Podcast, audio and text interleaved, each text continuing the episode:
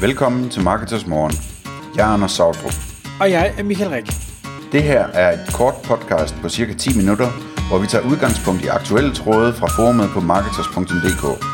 På den måde kan du følge, hvad der rører sig inden for affiliate marketing og dermed online marketing generelt. Godmorgen, Anders.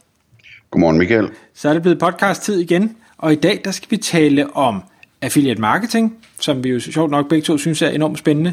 Men vi vil tage en, en afart, som vi faktisk ikke har behandlet ret meget i øh, alle vores tidligere podcast, og det er, det er nok lidt en fejl, fordi øh, det er en, øh, et segment, der står foran en, en rigtig, rigtig spændende fremtid, øh, og øh, jeg tror også godt, jeg, jeg ved, hvorfor at øh, vi måske ikke har behandlet det så meget. Det er fordi, det er ikke nødvendigvis super... Øh, nemt øh, i forhold til, til anden affiliate marketing, fordi det vi skal tale om i dag, det er B2B affiliate marketing og de udfordringer, der kan være med det, altså hvor man sidder som en annoncør og har et øh, B2B-produkt, altså hvor man ikke sælger direkte til consumer, hvor man gerne vil have gang i affiliates, der kan hjælpe med at få øh, det her produkt omsat. Og Anders, jeg ved, du, har, du sidder jo kvad din øh, funktion hos Partner at, og, øh, og taler med mange virksomheder, der, der har B2B-produkter. Kunne vi prøve måske lige at starte med, altså det her B2B-produkt, hvad, hvad er det, vi taler om? Hvad mener vi, når vi siger B2B? Hvad er det for nogle øh, nicher, nogle eksempler eller et eller andet? Ja, altså B2B, det er jo, det er jo når man sælger noget til virksomheder. Øh, og, og som øh, vi nok alle sammen ved, så køber virksomheder rigtig mange forskellige ting.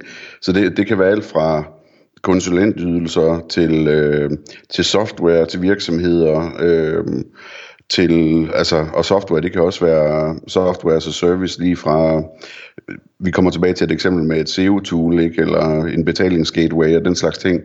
Øh, men, men det kan også være CRM-systemer og alt muligt andet software. Og så kan det jo være alt fra kontorartikler til øh, øh, vikarbyråtjenester til øh, hvad som helst, altså reoler i, til lageret, eller, eller rådgivning om reoler til lageret, eller et eller andet. Så, så det, det, kan være, det kan være rigtig, rigtig mange forskellige ting, det her B2B.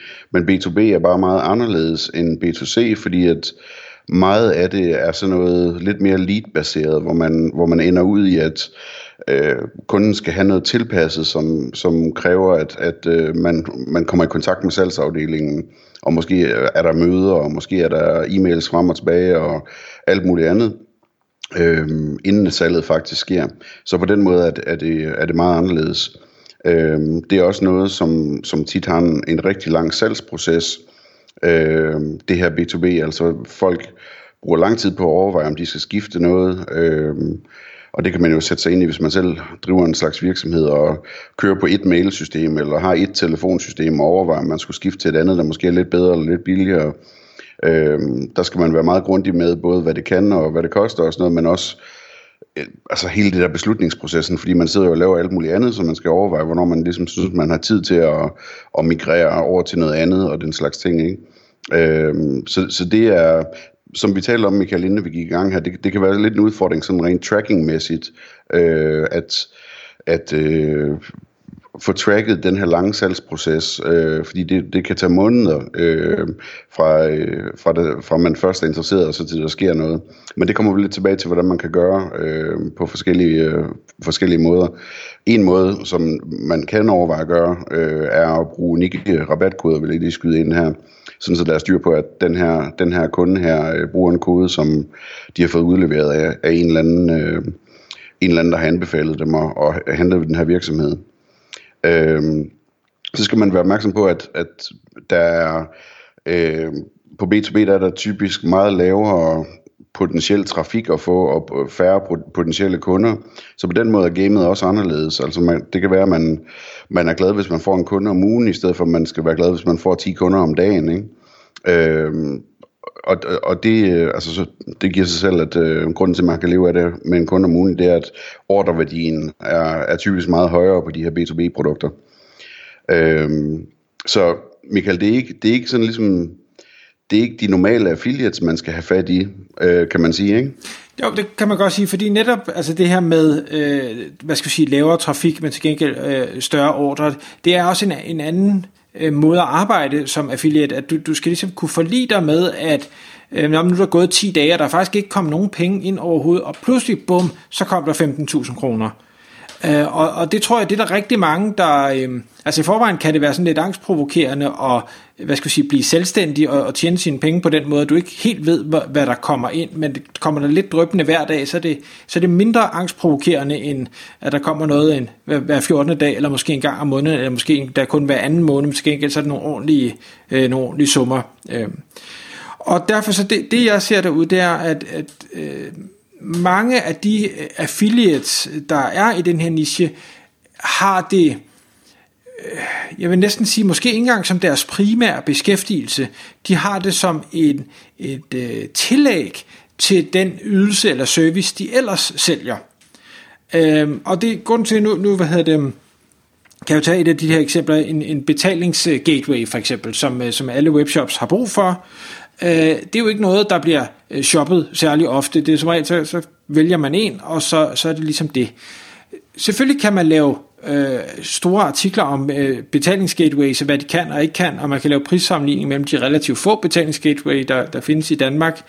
Øh, men der vil det, øh, så vidt jeg har erfaret i hvert fald, normalt være at sige, hvem, hvem er det, der kan pushe det her? Det er øh, byråer, der hjælper med opsætning af webshops, det er måske programmører, der hjælper med opsætning af webshops, det er øh, måske øh, fora eller Facebook-grupper eller et eller andet den stil, hvor man snakker om det her med at starte sin egen webshop. Jamen det vil være, øh, hvad skal vi sige, åbenlyse kanaler til at få pushet sådan et produkt, øh, men det vil aldrig være deres primære øh, virkeområde, hvis det giver mening. Øh, og så lige, du sagde det med unikke koder, Anders. Jeg synes nemlig, det er en rigtig god idé, det her med unikke koder. Og det her, det handler overhovedet ikke om, at, at øh, man kun kan få pushet noget, eller få, få affiliates til at sælge noget ved at give rabat.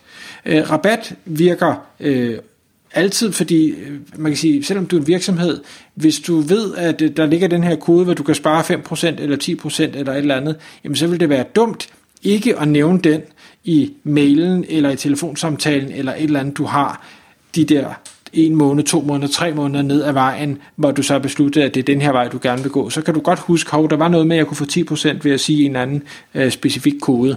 Øhm, og på den måde, så, så sikrer man, at, at hvad hedder det, annoncøren ved, hvem er det i bund og grund, der har skaffet det her salg.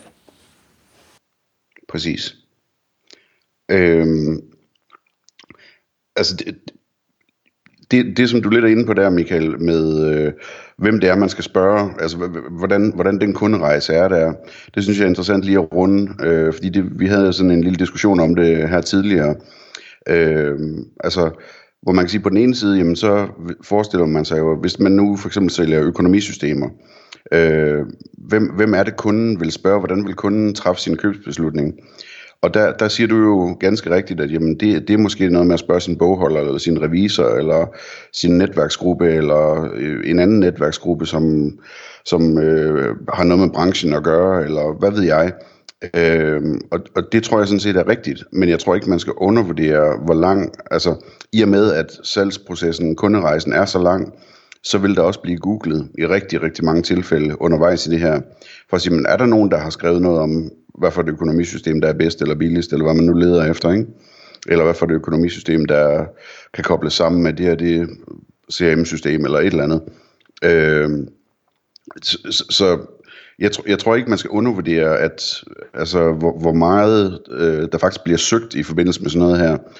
Øhm, og der tænker jeg også sådan på mig selv, når jeg køber noget til min virksomhed. Jeg, jeg undersøger jo masser på net, og så spørger jeg også folk til råds, men jeg har også undersøgt på nettet, og jeg er helt sikkert klikket på nogle links undervejs også. Ikke? Øhm, så, så, så derfor så vil jeg gerne ligesom advokere for, at man også, altså selvfølgelig skal man ud og prøve, så man kan få nogle, hvad skal man sige, sådan, det er nærmest sådan nogle influencer-ambassadører i, i forhold til at få nogle bogholdere, eller nogle byråer, eller hvem det nu er, til at, til at være affiliate.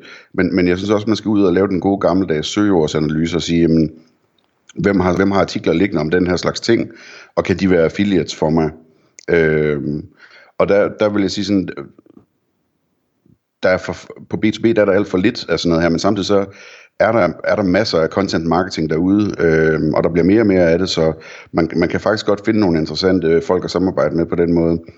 Øh, og så er der bare sådan en generel bevægelse nu med, at som du sagde, traditionelle affiliates, de måske er startet på det her B2B nu. De har måske lavet et website, med, med, øh, som hedder webshoprådgiveren.dk, hvor de skriver artikler om alt, som er relevant for webshop, for webshop-ejere at købe.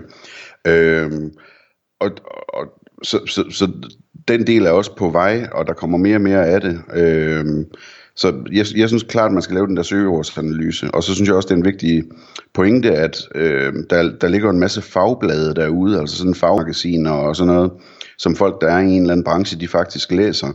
Øhm, og dem skal man også ud og have fat i, og det, det bruger jeg også en hel del tid på i, i mit virke, ligesom at, at få de her fagmagasiner i gang med at lave affiliate marketing, fordi de, de, de kan virkelig øh, skubbe på noget, hvis de skriver en artikel øh, med sådan en sammenligning, eller hvad ved jeg, øh, mellem forskellige, øh, forskellige ydelser eller, eller produkter. En, en ting, jeg lige vil knytte til det med, med øh, hvad hedder det, content og, og søgeordsanalyser. Hvis jeg, hvis jeg rådgiver en, en B2B virksomhed om det her med, med affiliates, øh, så vil jeg altid sige, at det, det er fint nok, at hvad skal jeg sige, prøve at uddanne affiliates øh, i at sige, men I kan lave søgeordsanalyser, I kan gå efter de her søger, men jeg vil i høj grad også bruge en mere øh, sådan overordnet tilgang, der hedder, jamen, øh, hvad, hvad, hvad tror vi på, at folk de måtte efterspørge? Hvad tror vi på, at de vil søge efter? Fordi det her jo desværre er øh, relativt få søgninger i forhold til øh, blå løbesko eller et eller andet, så er der rigtig mange søgeordstools, der slet ikke kan håndtere det, fordi, og slet ikke på dansk, fordi der er så få søgninger. Så kan man ty til engelsk og sige, hvad skal du have et CRM-system? Hvad er det så folk, de leder efter på engelsk? Så spørger de helt sikkert om det samme på dansk, så skal du bare finde ud af præcis, hvordan de formulerer det, hvad det er for nogle ord. Og så kan man tage den tilgang. Ja.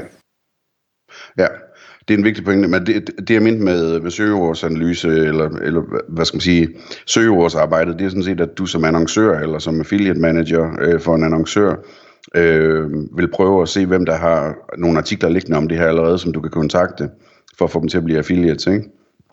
Øhm, og så i anden runde, ja, så skal man, når man har nogle affiliates, så skal man hjælpe dem med, hvad for nogle, hvad for nogle søgeord, de burde skrive noget om, ikke? Øhm, og der tror jeg, du er helt ret i, det, det er smart det der med at lige låne lidt fra engelsk. Og så en, en sidste ting, som vi måske ikke fik berørt så meget. Øh, jeg vil anbefale meget, hvis du er B2B virksomhed, at begynde at prøve at tænke leads, og sige, hvordan, i, stedet, i stedet for at betale for et endeligt salg, og det kan jeg godt forstå, at man helst gerne vil betale for, men hvis du i stedet for kan betale for en kundehenvendelse, du ved, øh, jamen hvis du får, får 10 kundehenvendelser, så lukker du fem af dem, og det tjener du i gennemsnit så og så meget på, så ved du også, hvad du kan betale for en kundehenvendelse. Og så er det helt fair at sige, jamen for at jeg øh, skal betale for en kundehenvendelse, så vil jeg ikke kun have en e-mail, så vil jeg også have deres fornavn og efternavn, jeg vil have deres telefonnummer, jeg vil vide, hvor mange medarbejdere er der virksomheden, jeg vil vide, øh, hvor meget de omsætter for øh, et eller andet. Det er jo fint nok at stille krav. Det er klart, jo flere krav du stiller, jo færre leads kommer der ind, og jo færre affiliates kan du sikkert få ombord, men til gengæld så vil du sikkert kunne betale en højere leadpris, som så trækker den modsatte vej. Så, så det vil jeg altid tænke ja. Bestemt. Og jeg, altså jeg er stor fan af en hybrid i virkeligheden, ikke? hvor man betaler et eller andet for leadet, øh, og så får man ligesom leadet registreret til den affiliate i sit CRM-system for eksempel. Øhm, og, og når leadet så bliver til en kunde, jamen, så udløser det sådan en øh, ekstra provision, eller en løbende provision for hver faktura, eller hvad ved jeg. Men at det ligesom, at man får tingene, øh, på den ene side er man forsikret, at affiliates de får en eller anden lille betaling for det der lead, sådan så øh, der sker noget, øh, men samtidig at man, at man har tingene aligned, sådan så det er først, når man rigtig begynder at tjene penge, at affiliaten rigtig begynder at tjene penge. Ikke? Tak fordi du lyttede med. Vi vil elske at få et ærligt review på iTunes, og hvis du skriver dig op til vores nyhedsbrev på marketers.dk-morgen, får du besked om nye udsendelser i din indbakke.